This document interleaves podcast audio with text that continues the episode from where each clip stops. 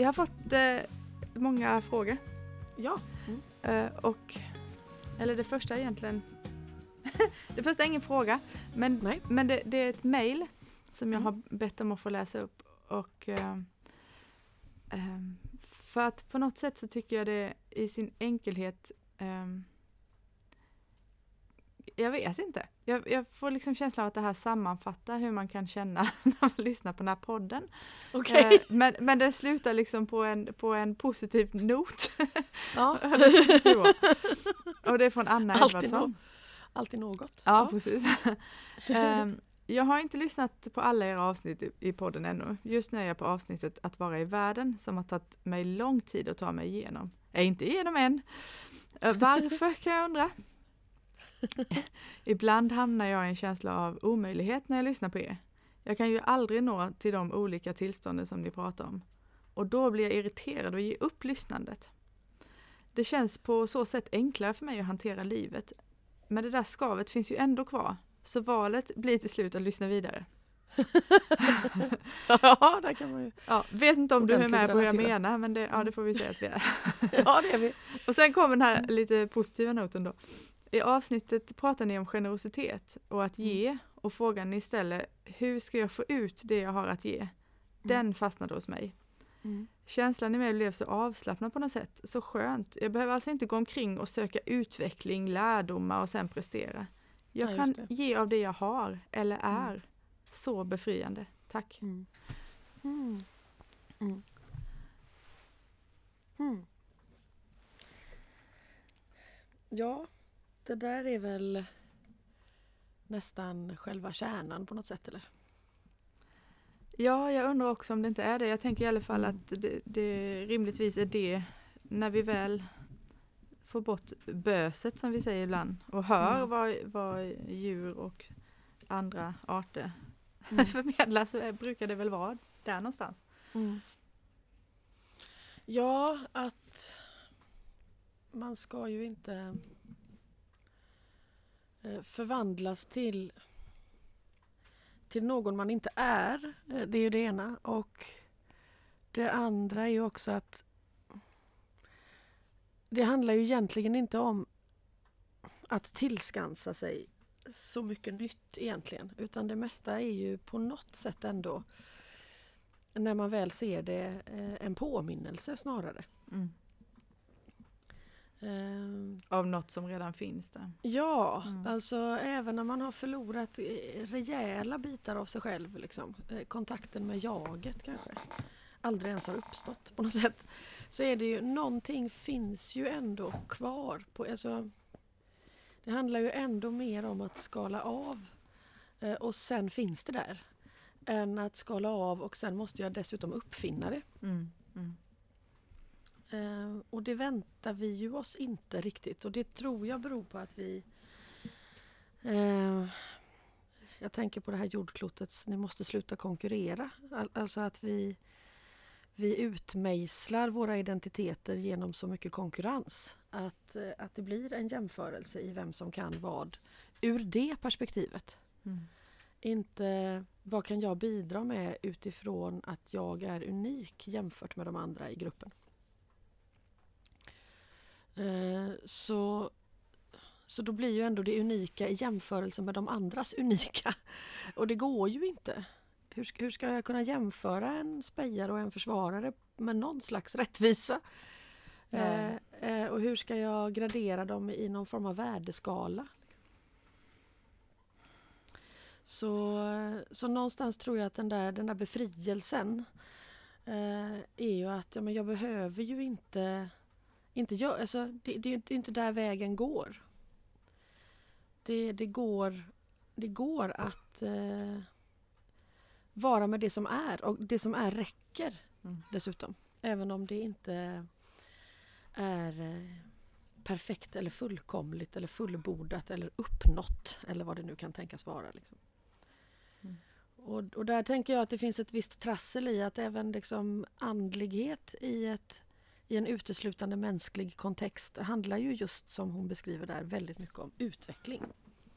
Att det handlar om att utvecklas, någon slags utvecklingstrappa. Liksom, där man når olika stadier och till slut då det fullkomliga i någon grad och då är man klar. Eh, men så tänker jag att om man, om man tar bort linjen där så får du snarare en... Ja men ju mer du övar eh, ju högre närvaro får du. Och närvaron kommer att eh, utöka, inte på en linje utan i form av någon slags eh, större klot. Liksom. Mm. Eh, och ju större, ju större närvaro, ju större bild, eh, ju mer får plats eh, och ju mindre begriper man och ju mindre behöver man på något sätt. Eh, och ju mer bidrar man med. Mm. Spännande nog då. Mm. Mm. Och, så, och kanske också det där livets vilja att uppleva sig själv. Ju, Mm. ju större det där klotet blir desto mer liv upplever man i det liv man har på något vis. Ja, absolut. Och, och ju mer man liksom på något sätt vistas i rummet av att det kanske inte finns någon mening. Det kanske Mm. inte är det som är den stora nyckeln här. Att komma på den. Liksom. Eh, och därmed då lösa någon form av ekvation. Det, det verkar lite skräckslaget först att ta bort meningen och ganska undligt tomt och sådär men, men det, sen märker man ju att det blir ju tvärtom då.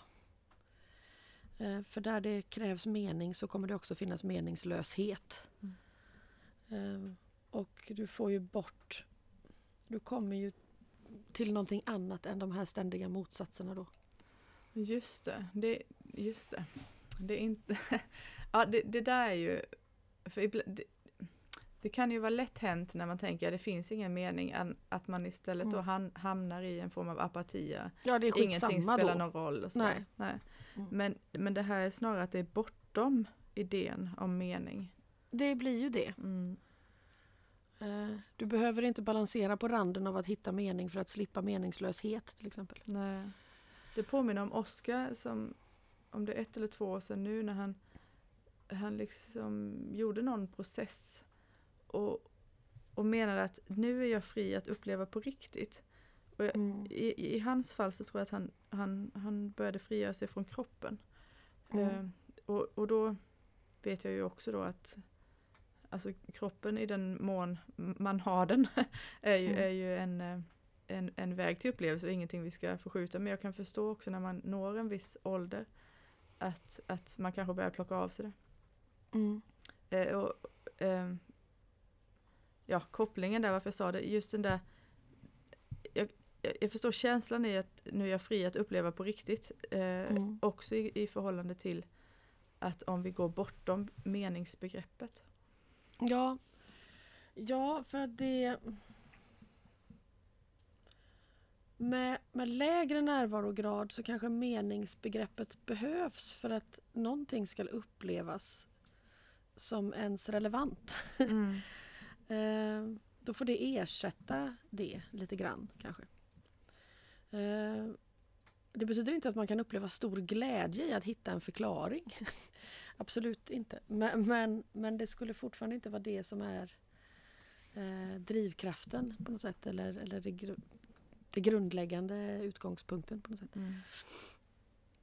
Eh, och ju, ju mer eh, närvaro eh, så blir ju den...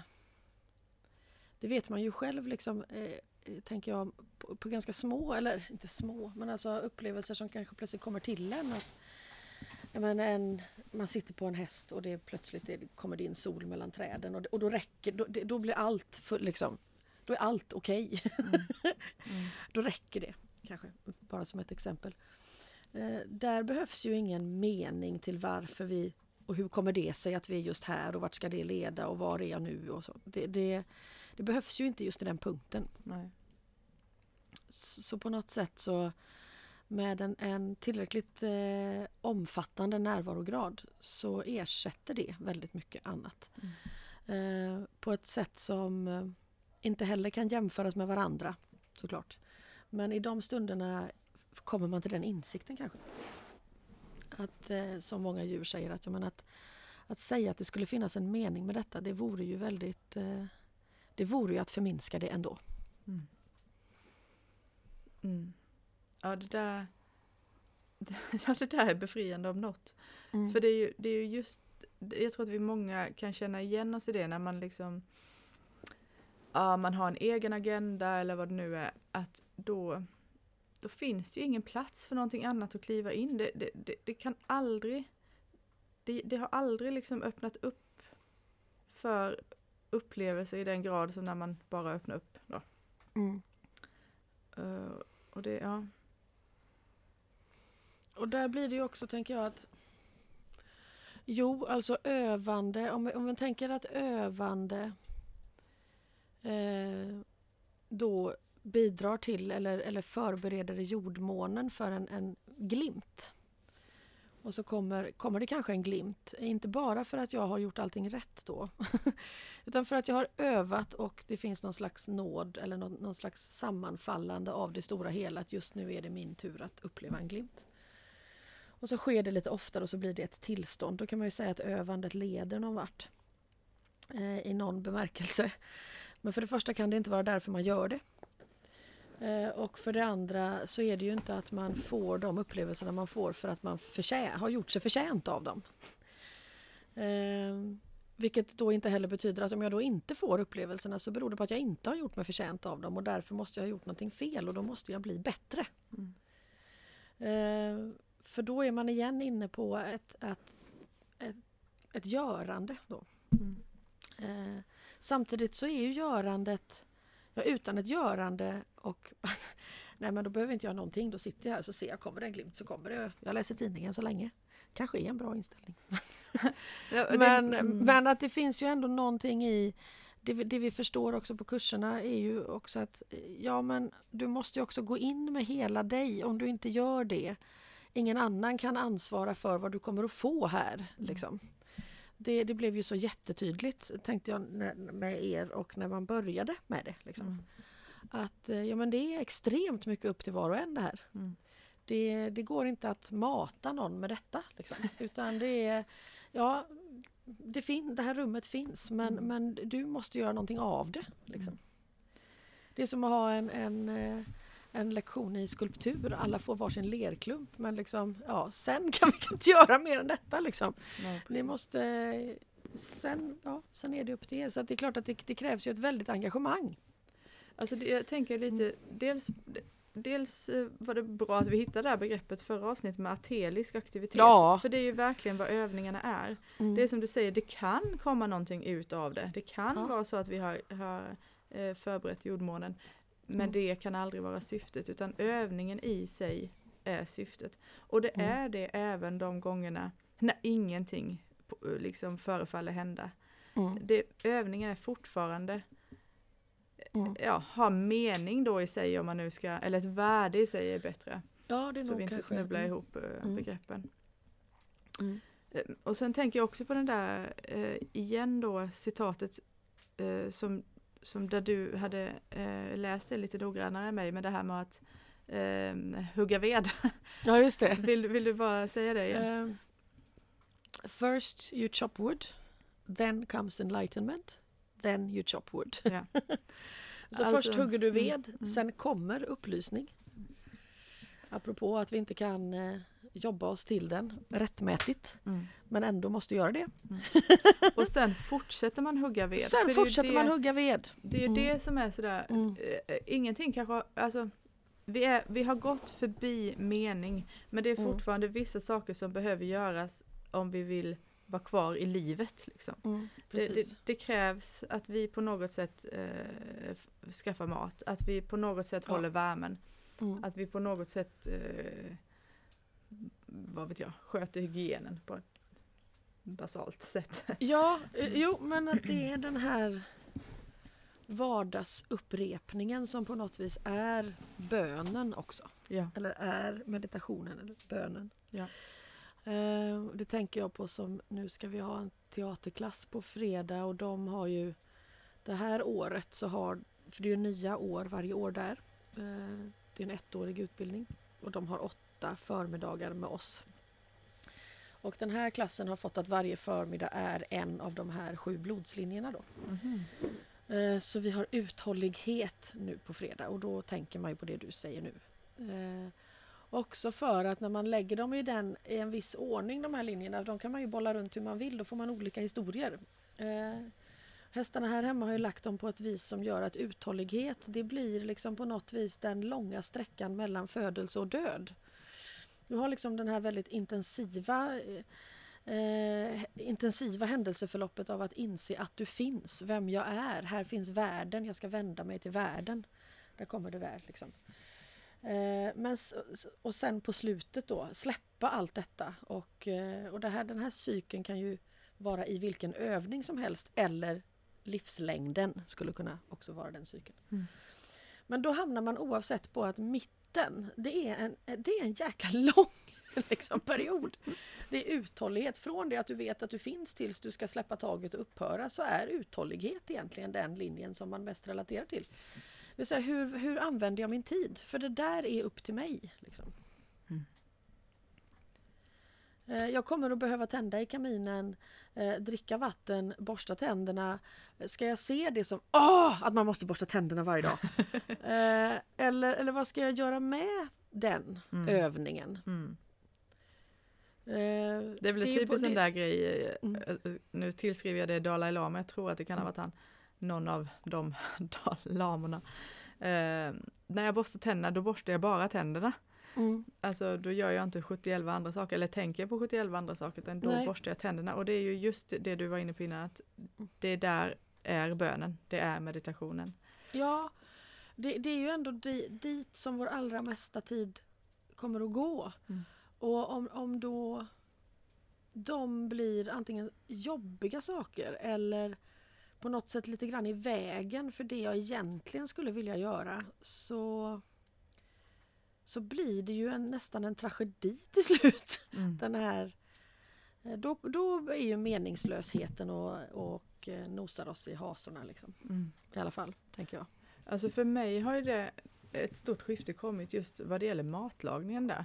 Mm. Eh, dels då att för det första odla stor del av det vi äter.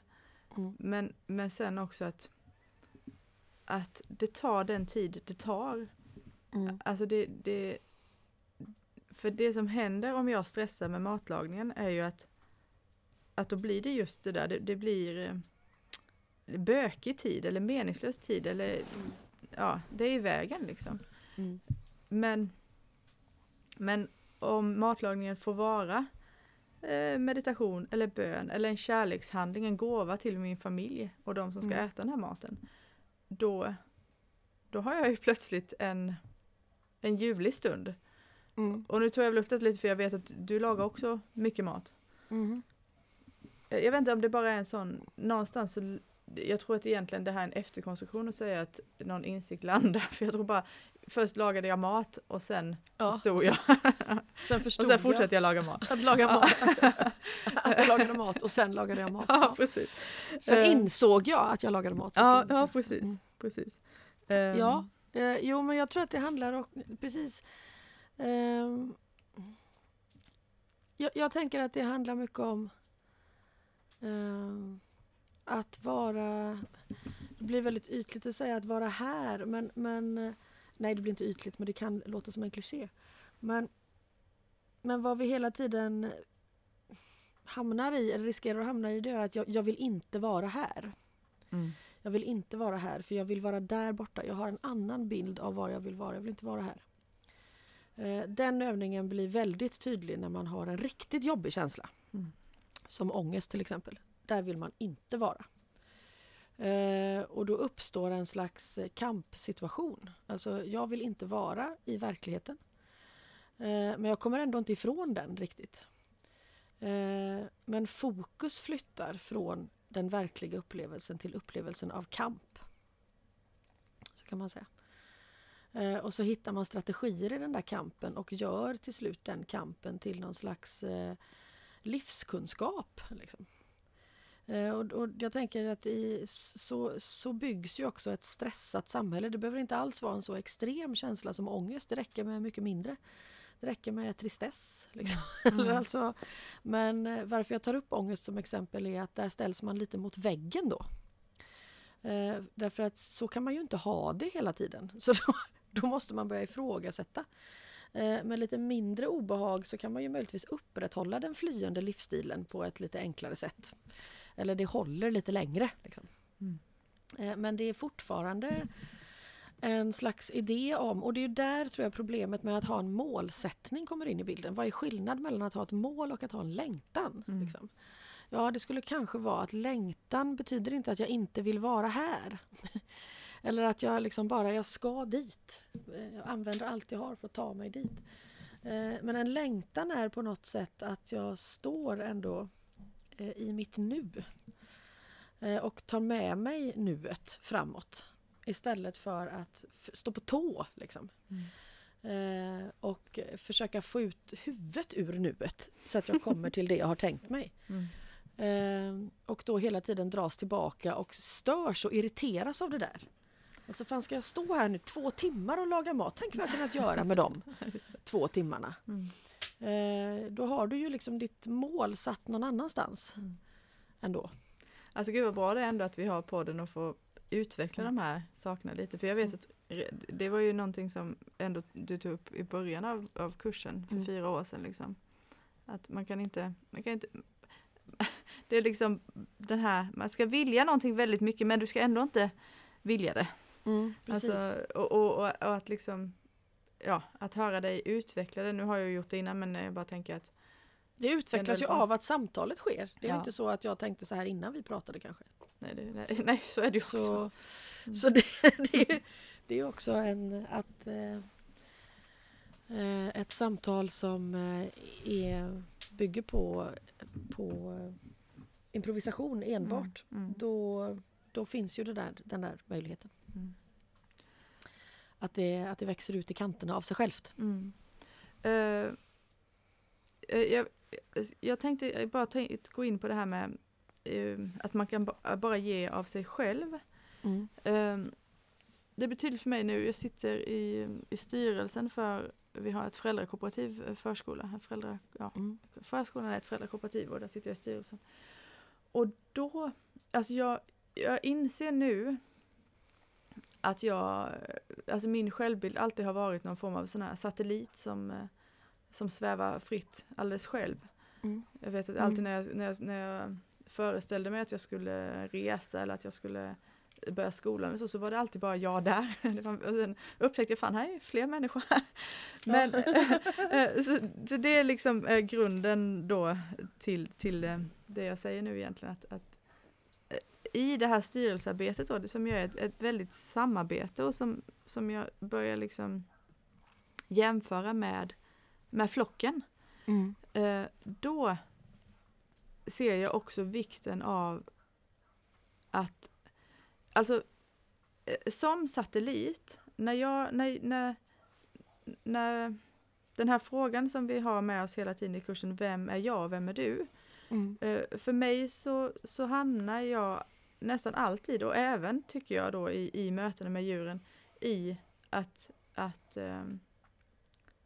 a- att vi är den här själen, och den här, det här sammankopplade, den här bilden med eh, utritade men inte utstansade då. Mm. Jag hamnar nästan, Mm. nästan alltid där. Mm. Och så vet jag att eh, eh, ehm, min mamma då som också är kursdeltagare, hon blir så förbannad på den där frågan. Bara, jag, jag skiter väl i vem jag är liksom. Mm. Och jag tänkte, men herregud varför gör du så stor grej av det? Vi är ju bara alla samma liksom. Mm. Men nu, nu i, i en flocksituation eh, så kan jag också se det här som, som vi har varit inne på, att, att jämf jämförelse utan värdering kan bli jätteviktig för att belysa eh, vad, vad mina färdigheter är som, som jag kan bidra med till helheten. Mm. Ehm, och och det, det kan ju vara utvecklade färdigheter, det kan vara eh, medfödda, det kan vara sånt som kommer från tidigare liv och så vidare. Mm. Mm. Men, men att, att faktiskt, alltså jag behöver inte ens vara jag behöver inte vara perfekt på något av det, jag behöver inte ens vara jättebra, jag behöver bara relativt sett eh, mina andra flockmedlemmar. Är det jag som är bäst rustad för att göra någonting, nej men då är det jag som ska göra det. Och då Mm. måste man få syn på det. Mm. Då måste jag någonstans ha, ha en självinsikt att, och se att ja men just det här har jag en viss fallenhet för i Mm. relation till andra. Det betyder inte att jag är mer värd, det betyder bara att jag ska göra detta just nu. Mm, precis. Och, och eh, kan vi vara så pass prestigelösa att man också då kan säga, men jag tror att jag är relativt bra på detta. Mm. Då blir det också mycket, då är vi liksom igång redan Ja, i, i den där gruppen på något Mm. vis. Och där, där tänker jag att ehm, vi möjligtvis ursprungligen då har övat oss på att skilja på vem jag är och vad jag gör. Eh, och tittar man på görandet i flockrollerna ur hästarnas perspektiv så handlar det ju väldigt ofta att vara en princip eller vara en dynamisk liksom, Eh, Ja, men är du innovatör så håller du inte på att hitta på saker dygnet runt. Men, men du är påminnelsen om tomrummet i, som föregår innovationen. Mm. Liksom. Eh, Och när det tomrummet plötsligt visar sig vara absolut nödvändigt, då är du där. Eh, Det är inte så att du springer dit eller fan är det jag nu? det är ju liksom, jo men det blir som en slags rörlig lampa och nu passerar den mig då. Mm. Så vet jag vem jag är så kommer jag ju att vara där när stunden uppstår. Det blir inget tjafsande om det. Eh, inte då. Liksom. Tjafsandet består ju möjligtvis i, när, i för, mig i förhållande till mig eh, när jag letar. Eh, och då behöver jag bli speglad av en omgivning. För att hur ska jag annars kunna se någonting? Liksom? Eh, och, eh, men det är precis som du säger, den speglingen måste ju då ske utan en värdering. Annars lär jag mig ju bara, jag är dålig på matte. Ja, och matte är viktigt. Fan vad dålig jag är. Mm. Och så är det igång. Liksom. Mm. Det ska inte så mycket mer till. Ja men du är ju bra på det här. Ja fast jag är dålig på matte. Liksom. Mm. Det har ändå satt sig på något sätt. Eh, eller jag är tjock eller smal eller ful eller så. Det kan bli ännu värre. Alltså tillstånd som jag har ännu mindre chans att påverka. Eh, så, så att värderingen, eller avsaknaden av en värdering är ju en nyckel här. Eh, vi letar inte efter en värdering, vi letar efter en definition. Om du ser bättre än mig så är inte du en bättre människa än mig. Men det är väldigt bra att veta att du ser bättre än mig för i så fall så är det nog dig vi ska skicka ut i skogen i skymningen och inte mig. Liksom. Mm. Ehm, och, hur, ja, och då är vi tillbaka på det där varför har vi byggt upp vår, våra självbilder så mycket utifrån? Varför tänker vi att konkurrerandet är så viktigt här? För det blir ju den att, att liksom utveckling och framgång sker genom konkurrens. Ja, det är möjligt att det är så. Eh, men känsla av samvaro kommer vi inte åt då. Liksom. Det konkurrerande samhället faller ju isär eftersom det är som du säger, vi blir ju alla löst flygande satelliter Mm. till slut. Mm. Det, är ju, det, är ju, det är ju där vi hamnar då. Eh, Och vi blir möjligtvis framgångsrika under en, en liten tid där i den, i den utvecklingstrappan. Men vart, vart är vi sen? Liksom? Nej, jag tänkte säga till, till vilken mening, men nu har vi ju gått Mm. bortom mening, men det är ändå, Mm. det är ju lite, har man, har man klättrat vad- på den där stegen och sen så upptäcker man, ja här, var, här är jag på toppen och här blåser det är bara jag här, vad, ska, vad, ska, Mm. vad händer nu liksom, vad ska jag göra med Mm. det? Mm. Jag kan briljera, jag kan bli känd, jag kan bli Mm. rik. Mm. Sen kommer jag ju ändå dö liksom. Mm. det är ju det. Sen är det ju ändå borsta tänderna och sådär som man måste göra. Så ja, det, det? Eh, det är ju ett pris att betala i helhetsmässigt för den här eh, ganska korta perioden som den framgången verkligen skulle vara relevant och kännbar då. Ja, för oftast så strävar man ju bara någon annanstans sen antar jag. Mm. Eh, Men det här för mig in på ehm, Alltså, vi pratar om att ja, men, det, är- det är ingen utveckling, alltså det är inte utvecklingen vi är ute efter. Eh, men vi ser vikten av att öva eh, för Mm. övandets skull. Ehm, det, jag, det jag har fått en påminnelse om på sistone är oavsett hur utåt sett, eh, ja men säg framgångsrik eller välorganiserat eller vad det nu må vara, ens liv eh, eh, kan verka, så, kom, så är ju det inga eh, det säger ingenting om hur livet upplevs, alltså hur, Nej. hur väl jag accepterar eh, livets förutsättningar. Till Mm. exempel att jag behöver på något sätt äta eller jag, jag, jag föddes någon gång, jag kommer dö någon gång. Alltså, Mm. det, det finns ingenting i det yttre egentligen ehm, som visar hur, hur man, eller det kanske, det, det, kanske det, det kanske blir i och för sig en konsekvens sen, men det, det är inte det första i alla fall. Det, det där att hitta en acceptans för livets förutsättningar, det måste vara, antar jag, du får, du får du får se vad du Mm. vill säga om detta, men Mm. det känns som det är ett eget, det är ett egen grej. Det är liksom Ja. eh, också då väldigt grundläggande på något vis, men kanske också slutgiltig. Ja, viktig. Mm. Ja, och det är väl, tänker jag också, för det första så tänker jag att djur, andra arter kanske har det lite lättare där, apropå det här vi pratade om, eh, kampen som uppstår när jag inte accepterar det jag upplever i stunden. Eh, och att kampen då får en mening istället för längtan eh, till det är klart att, att eh, befinner jag mig i en, en stor obalans så kan jag inte stanna vid att bara acceptera den utan först måste jag acceptera den för att kunna se den för vad den är. Mm. Eh, Ur det så kommer jag möjligtvis då att hitta redskap och eh, tankebanor och praktiska lösningar som är relevanta. Har jag inte accepterat det så blir det väldigt mycket svårare. Eftersom jag inte förhåller mig till någon slags realitet som kommer att vara påverkbar. Eh, men men där, och där tänker jag att vi har svårt att acceptera saker. Eh, och det... Vi lever ju med så många djur och många gamla djur. Många kommer ju också hit när de är gamla, ska Mm. man ju eh, betänka.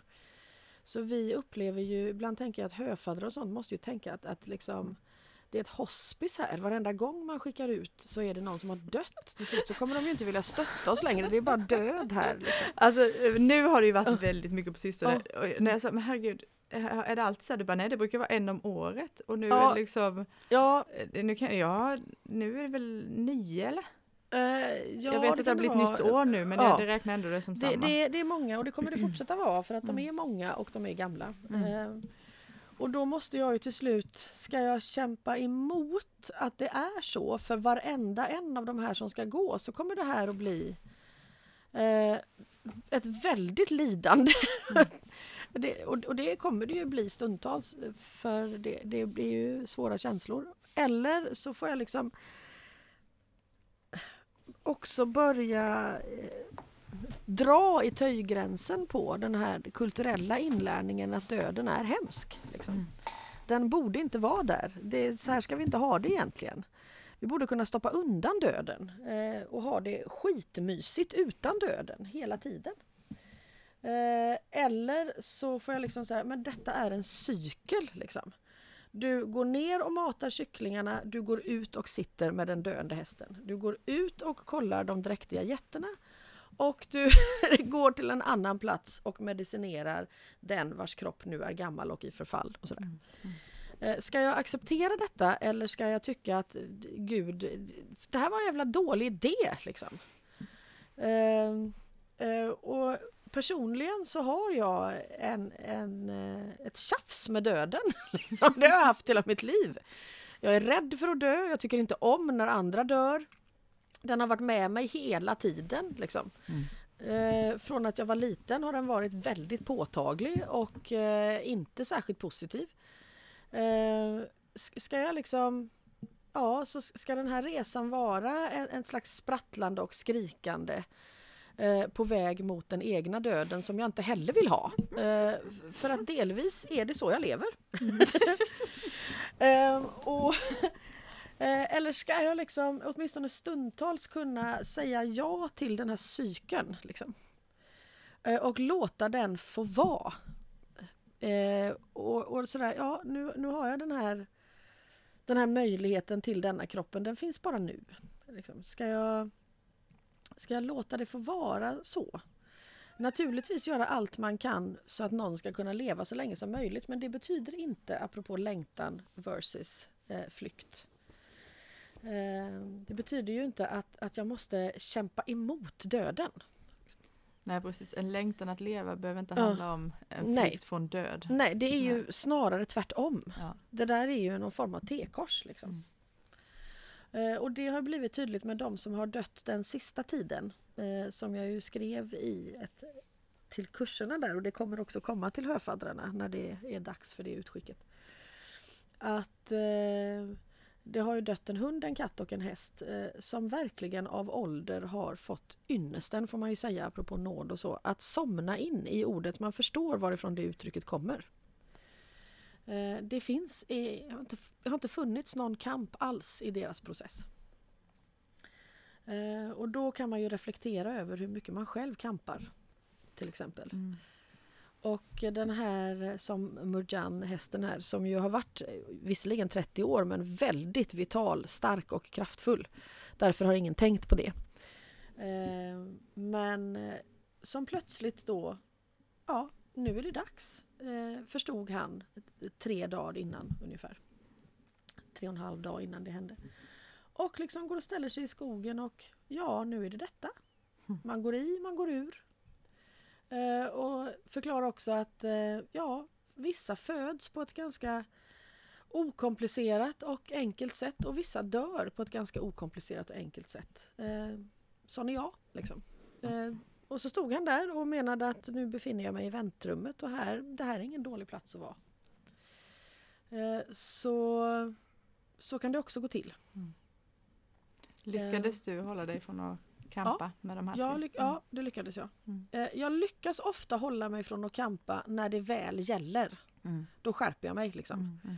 Men sen är det som att jag ska ta igen det där då. Eh, och så kampar jag på i efterhand. Lite Men- emellan sådär. Ja, Ja. eh, men det har jag inte gjort än i alla fall. Mm. så, men det betyder jag är inte färdigkampad. Jag sitter ju inte här på någon slags sidenkudde och vet eh, hur det kommer att sluta. Men, men eh, jag, jag förstår att eh, mitt kampande skapar extremt mycket onödigt lidande, i synnerhet för mig själv. Mm. Men naturligtvis också för de som ska befinna sig i den nära eh, omgivningen kring den, det kampandet såklart. Ja, ja, men det, sen får man, ju, man får ta det stegvis kanske. Och då tänker jag att eh, sorgen är en sak och saknaden är en sak. Mm. Den, den är ju inte rolig. Liksom. Eh, Och den kan jag inte trolla bort genom att sluta kampa. Men lidandet får jag nog ändå säga att jag skapar helt på egen hand utan hjälp. Mm. Situationen kräver inte att jag lider egentligen. Nej. Det där, det där är nog en viktig distinktion, jag. Och särskilt om man då skulle se det ur ett väldigt mycket större perspektiv som flera av de här döende individerna gör för att de gör sin väg mot döden med väldigt mycket närvaro och insikt. Då. Mm. Ehm, Men en viss saknad och sorg är ju med. Liksom. Alltså alla de som har lämnat oss är ju med på det viset. Ehm, och det kommer också komma i det höfadderutskicket nu som är för de som är i kapp som höfaddrar då med en, kyckling som beskriver en precis i- identisk saknad av att ha lämnat den platsen eh, som han befann sig på innan han föddes. Mm. Du, dör ju, du dör ju från en plats för att födas till en annan hela tiden. Och man tänker inte att saknaden också kan finnas där. Mm. Att han är född med en viss melankoli. Liksom. Eh, och så får det kanske vara då, tänker han. Mm. Att, Acceptans. den, ja, att ju mer han kliver in i sin kycklingidentitet så, så försvinner kontakten med därifrån han kommer. Och det finns en sorg i, att, eh, i den övergången. Då. Mm. Precis som när vi släpper denna identiteten för att kliva så finns det en sorg i den övergången. Om vi ska tänka oss att målet skulle vara att detta sker utan sorg så vet jag inte, då är vi nog inne på det du sa med att, att eh, då går vi kanske emot hur livet är beskaffat. Det kanske inte är en, eh, en, en vettig kamp att ta liksom. Utan mer tänka som Fanny, att ja, men om, om den opersonliga kärleken får bli starkare istället så kommer du fortfarande att sörja den som har gått bort lika mycket. Men kärleken kommer att vara starkare Mm. och den kommer att eh, ta dig igenom. Liksom.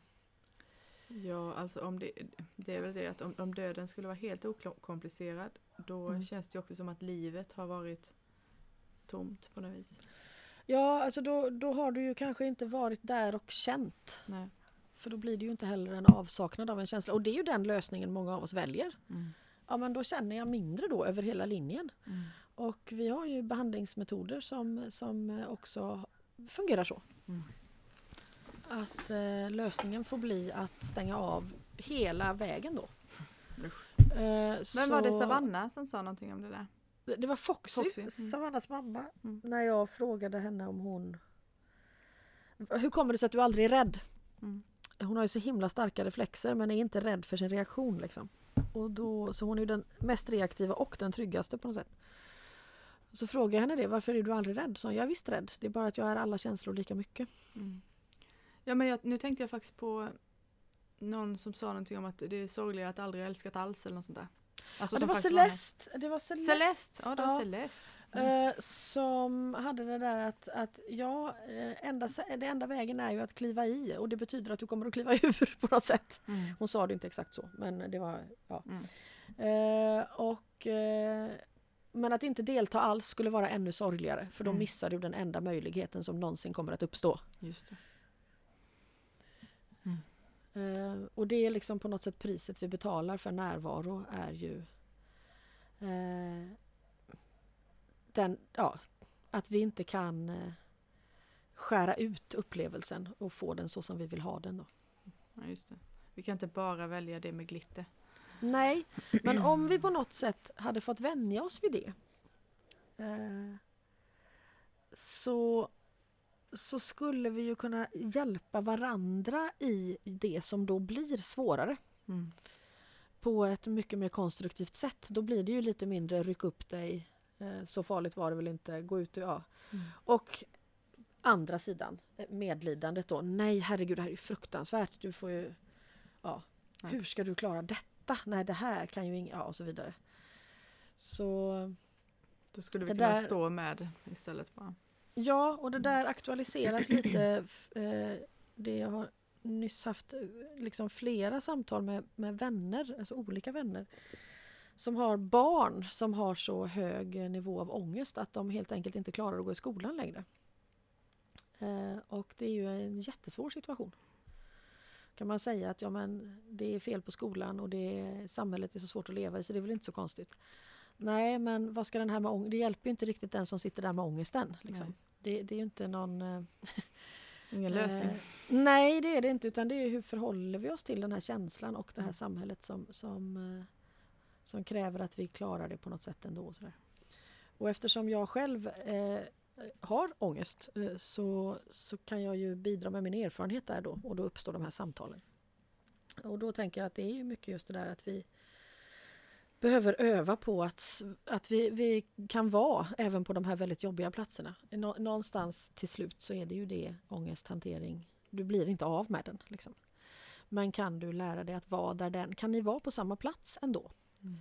Eh, Och vad behövs för att vi ska kunna vara på samma plats? Jag och ångesten. Då. Mm.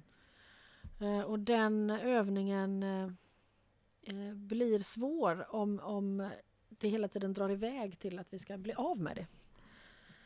Eh, Jag måste bli av med det, sen kan jag göra det jag vill. Mm. Mm. Och så dynamiken där när det är ett barn och, och föräldrarna som vill såklart. Ja, och det är Att det ska skolplikt. bli av med på något vis. Och det hur, skolplikt, det, ska det gå? Liksom? Ja, ja. Klarar man inte skolan är ju allt, eh, vad ska hända sen? Och, Ja. ja. det, blir, det är ju jättestort. Ja. Liksom. Och hur ska den här lilla människan sitta i den här helt oöverstigliga känslan? Nej. eh, När ingen annan gör det heller. Nej, nej, precis. Det är lite mycket begärt. Mm. Och då kan man inte säga men gå bara dit så ser du att det går bra så släpper det. Nej, Nej. det, det kommer inte räcka. Nej. Någon gång måste du gå dit för att se att du överlever men då, då måste du ha hjälp att, Mm. m- att göra det utifrån den punkten av att Mm. kunna stå. Liksom. Och vi övar inte så mycket på att stå. Vi övar väldigt mycket på andra saker. Ja. ja. Så där förstår jag liksom hästarna, varannan övning är att stå. Mm. Ja, Det är nog en väldigt rimlig procent faktiskt. Mm. Ja, det, det var häftigt när du fick syn på det, att det Mm. också är det. Mm. Eh, Jag känner ett litet ansvar gentemot fler lyssnare här. Ska vi ta lite fler frågor? Mm. Ja. Ehm. Emma eh, Henriksson. Mm. Eh, hon, ja, det var hon som skickade det här fina poddförslaget. Eh, tipset om Ja. eh, frö, fröpodd. Ja, Och eh, jag kan lägga den i ehm, eh, avsnittstexten där ifall andra vill lyssna på det. Hon, hon frågar så här. Vill ni prata mer om fröer? Vad har de att säga till oss? finns ju en mängd fröer men tänker på de som vi som art har haft ett mer nära förhållande till. Vilken relation Mm. vill de ha med oss? Vad vill de Mm. berätta? ja, det är en extremt stor fråga. Vi tar den nu. Vi tar den nu i, i några punkter. Ja. Nej, men, Jag, jag, jag kan börja bara på en väldigt eh, liksom, Mm. basal nivå bara för att vi Mm. hade ju fröövningar det här året. Mm. Och de, den största upplevelsen för mig var att få dela, ehm, nu minns inte jag faktiskt riktigt om det var eh, när fröet lades i jord eller om det var när jag, när jag hällde på vatten. Men, men den känslan av inandning som kom, alltså på ett sånt där Ja! sätt, Just det! det är, Mm. är min största upplevelse av det där. Och det, det har, jag vet i alla fall att om det har skett någon förändring i mig sedan dess så är det att här lämnas min själ inga frö kvar i påsen, alltså sådär ett och så Mm. slänger jag påsen eller jag låter Mm. liksom inga frön hoppa iväg och inte få en chans att landa i jorden. Mm. Där, det, där har jag blivit väldigt Ja. noga efter den upplevelsen för, för det Ja. vill jag liksom inte att, att jag ska vara den som i min liksom försummelse gör Mm. att det här kommer aldrig träffa någon jord. Liksom. Mm. Ja, nej, jag, jag förstår vad du säger där. Ehm, spontant när, du, när frågan kommer så tänker jag ju det här att fröer är ju eh, potentiellt liv. Liksom. Eh, men det är också liv då. Mm, precis. Eh, och för, för oss är det ju, och det är det här som är väldigt spännande och väldigt obegripligt och abstrakt med växter, att för oss människor som är lite mer avgränsade på, utan att lägga en värdering i detta nu då, så är ju skillnaden mellan att finnas och inte finnas ändå ganska enkel. Liksom. Antingen lever jag eller så är jag död. Det är ju inte så svårt att skilja på de två egentligen, om vi ska vara helt ärliga. Mm. Kan man vara i koma och så, men då är det ändå ganska uppenbart att du inte är död. Ehm, och när man liksom på något sätt kropp och själ bildar en syntes där jaget uppstår och personligheten kommer i speglingen med omvärlden och så. Vi kan ändå förstå den processen sådär. Det, det, det, det finns steg. Sen kommer man till en växt och så blir det väldigt luddigt. Mm. Vem är vem? Hur många är de? Är det en själ och många medvetanden? Är det ett medvetande och många själar? Är det, är det en gubbe i varje skälk? Är det, eh, vad händer med en stickling? Eh, det, de här fröerna som ju är plantan eh, men också har sin egen historia. När sker avgränsningen mellan dem? Är det när det nya fröet börjar växa eller är det bara så att jag har ett behov av att förstå den skillnaden men den egentligen inte ens går att definiera? Liksom. Kanske är det så. Eh, så fröerna är ju sin ursprungsplanta och de är sin nästa planta och befinner sig, det är som att hela växtriket befinner sig i något, i något slags flytande mittemellan. Mer än vad de egentligen skulle befinna sig i den här fasta punkten. Eh, och det är väl det som gör att växtkommunikation på något sätt inte har slagit igenom på samma sätt som djurkommunikation. Det är väldigt sällan någon hör av sig med att jag skulle verkligen vilja, lära mig tala med växter.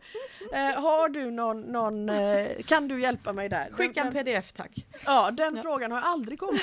Liksom. Så det, eh, och, och innan liksom varje höfadderutskick som innehåller någon typ av växtkommunikation, det här som kommer nu i slutet av månaden är det också. Mm. Känner jag så här, nej, jag kommer, vi kommer förlora hälften av höfaddrarna på detta. Vi, vi kanske, hur ska vi lösa verksamheten nu? Alltså, ja. För att där är... Just det, ordet Ja. höfadder får ett annat begrepp, eller annan Ja, precis! Mm. Gräsfadder blir man så. Ja. Så, så eh, mm. Det, det här är ju, eh, det är ju därför man inte kan komma med några svar här. Men man kan ju eh, diskutera sina respektive erfarenheter, det kan man göra. Mm. Det, Ja, för och egen vad- del och- och känner jag vad så här, händer- ja, förlåt.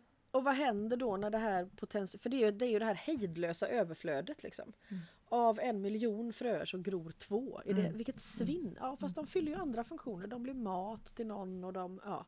Mm. Deras historia är väl ändå, den är ju ändå inflätad i det stora hela. Även om den inte fullbordas så som vi tänker oss i form av att den får födas i en växt som får göra en fullkomlig cykel då. På något sätt. Dess liv är inte mindre mm, värdefullt för det. Nej, men vi är ju omringade liksom i detta liv av miljarder potentiella små växtliv. Alltså, ja. Mm. Det är väldigt svindlande. Det var en fröpåse liksom. Wow! Mm. Ja. ja, wow. Men det, det, jag, eh, jag har faktiskt inte tänkt i de här banorna. eh, Och den här, det poddtip, poddtipset hon hade eh, handlar just om det här, alltså relationen till, till frö då. Att, att, att, eh, för det, det, det är en native american eh, som, som intervjuas. Och, och eh, i, i hennes tradition så, så är fröerna eh, ens, ens förfäder, ens släktingar. och, Wow! och det är också då, ja men va, Det va- är de ju också. Ja, eh, precis. Ja. Alltså, precis. Eh, men, men Kroppen är ju oundvikligen det. ja, Och, Ja. ja. så, så, så att, Mm. att verkligen också kanske, ja just att förhöra sig lite om de här sakerna, eller de här sakerna, de här fröna som, som jag odlar kanske då. Eller Ja. alltså som, som, som jag har en närmare relation till just nu. Det ja, jag, jag ska ta med mig den frågan ut i vardagen lite känner jag. Mm. Det, ja. Ja, och den känslan av vördnad som uppstår. Ja. När min mormor trillar ur fröpåsen. Ja, Är ju, eh, blir ju helt annorlunda såklart. ja. Och eh, med väldigt mycket humor också. Och sen också ehm, hitta balansen där mellan, mellan det, det, det, det blir ju liksom en vilja här att, ja men, eller det, jag vet inte om det är bara det mänskliga psyket som säger då att det blir lite opersonligt när det kommer en fröpåse skickad liksom. Mm. Det kan, vad händer om jag, när, om jag i, i den mån jag kan tar egna fröer och sådär. Men jag kommer ihåg någon gång när du och jag pratade om eh, ah, jag, jag sa jag, ja, men jag, jag går förbi grönsakshyllan liksom, jag klarar inte av att handla där nu. Mm. Eh, och du bara, ja, men vad tror du broccolin tycker? Du sa inte så men eh, det hjälper ju inte den stackars broccolin liksom. Att, Nej, jag kunde ha sagt så. Och det, det ehm, Mm. så är det ju. Alltså, det, det är som både och där. Ja. Eh, Och det är väl det jag tänker att för att klara ett samhälle som bygger på konkurrens och profit, om vi då ska vara hårddra någonting här. Eh, det kräver ju eh, att för att man ska kunna utnyttja varandra i en värdeskala där någon annan är mindre värd än mig. Alltså det är okej att utnyttja broccolin för den är mindre värd än mig. Då måste jag ju först avpersonifiera broccolin. Det, det börjar där liksom. Det basic rules i rasism. mm, ja? För, för att kunna skada någon eh, så måste jag avpersonifiera den. Eh, och vad som då händer när man får en insikt om att den är någon. där, det där är ju ett, eh, ett omvälvande ögonblick när det sjunker in, Mm. tänker jag. Som för mig då var när jag besökte maorier för första gången på Nya Zeeland och de var irriterade över att, att jag inte talade med växter och att jag hade liksom på något sätt eh, satt upp djuren på en piedestal och pratade med dem istället. Liksom. Mm. Bara dem. Då, det var då det liksom sådär, ja, salladen är också en, salladshuvudet är också någon. Mm. Ja, förhåll dig till detta. Liksom. Det, den insikten är ju inte så enkel alls. Och, den, och det har vi också, vi kommer ju tillbaka till detta hela tiden, att, att ätandet är ju det svåraste, Mm. den svåraste övningen. Eh, Och eh, vi har inga svar där och så. Eh, Men vi kan möjligtvis då hjälpa varandra i processen av att inse att ja, men jag lever med andras, all, alla jag lever med lever. Just det, så den här två timmars matlagning kanske också är ett, Mm. ett sätt att visa respekt och vördnad för de vars liv vi tar. Ja, för det första tänker jag att de på något sätt förtjänar eh, my personal best. Mm. Inte, inte ur eh, att jag alltid måste vara på topp eller alltid ha skithög närvaro när jag lagar mat. Men åtminstone när jag är kapabel till det. att kan jag, kan jag tillaga den här på ett sätt som gör att, att den verkligen eh, äras Mm. och smaken lyfts fram eh, och blir tillvaratagen i så stor utsträckning som möjligt eller sjavar jag ihop något för att bli färdig så att jag sen kan gå och göra någonting annat. Mm. Eh, det är ändå två helt olika saker. Ja, det ja. Och sen händer saker i livet som gör att det där utrymmet inte alltid finns eller att jag kan hitta det åtminstone. Men jag kan i alla fall försöka. Liksom.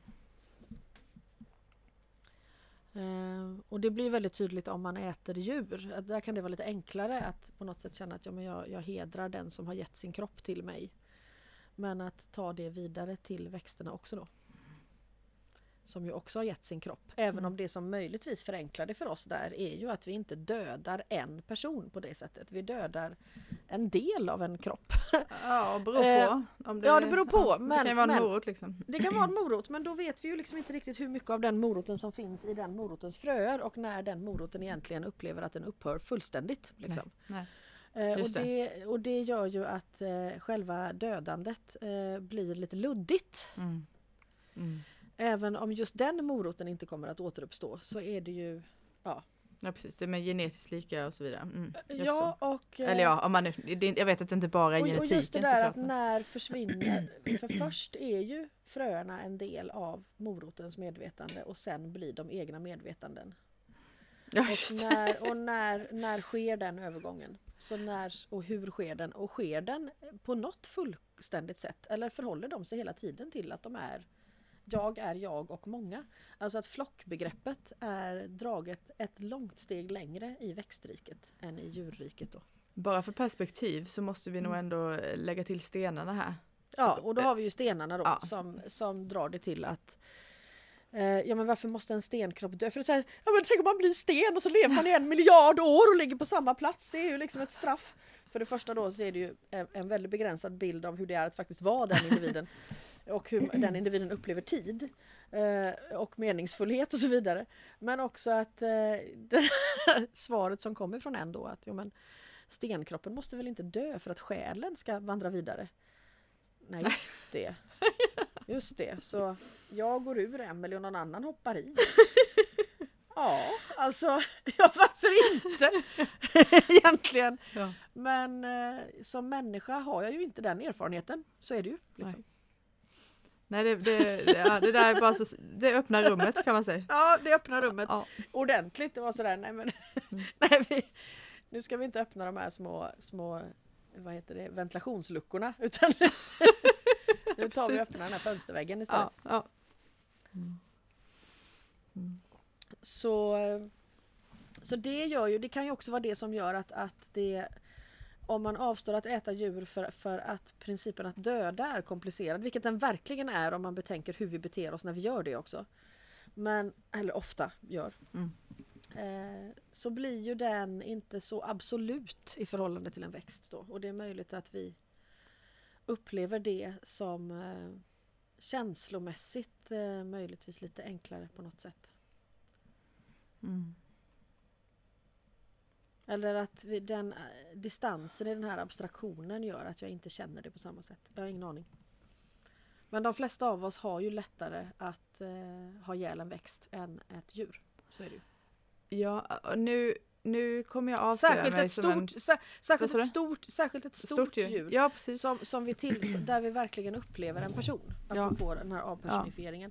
Jag tänker, med en mygga som inte ens går att skilja ifrån 10 000 andra myggor och som är irriterande och stör mig. Ja men det Mm. kostar mig inte lika mycket.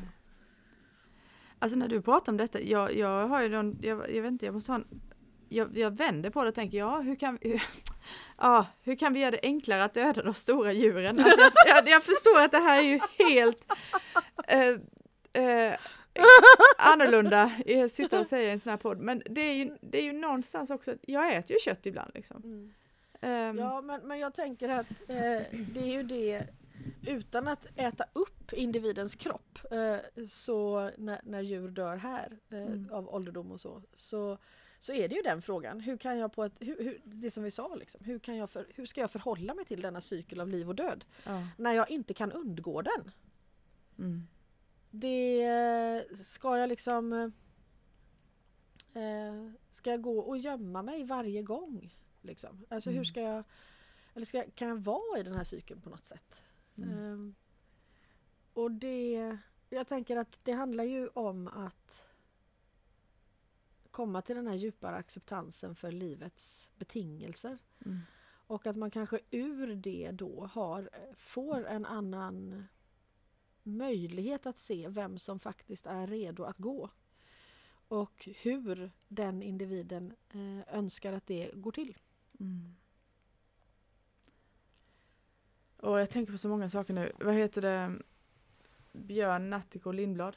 Just det, som ju dog där. Ja. Eh, det Ganska var- nyligen. Ja, han dog samma, ja, ja, 17. ganska nyligen. Mm. Ja, och Mm. där dog ju även Murjan. Så Okej, det blev ju väldigt, eh, jag tror att det meddelandet kom upp ungefär när jag hade lämnat Murjans kropp. Mm. Och tänkte att det där var en till som inte kämpade emot. Ja.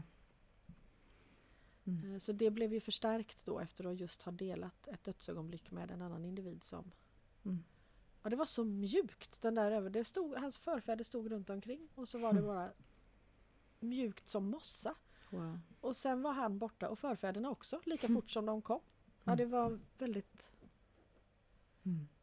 Det fanns en, en, en enkelhet där som var fascinerande. Mm. Och den, den enkelheten tyckte jag fanns i det här som ju, han, som ju kom ut då i pressen på alla Ja. möjliga sätt. Eh, det här hans brev där, eller Ja. han, Björn Natthikos brev. Mm. Då tänkte jag det där kunde vilken häst som helst ha sagt. Tänkte jag. jag läste det. Den bästa komplimangen. Ja, Mm. ja det, det är för att det är mer sällan man hör det av en människa. Mm. Tror Mm.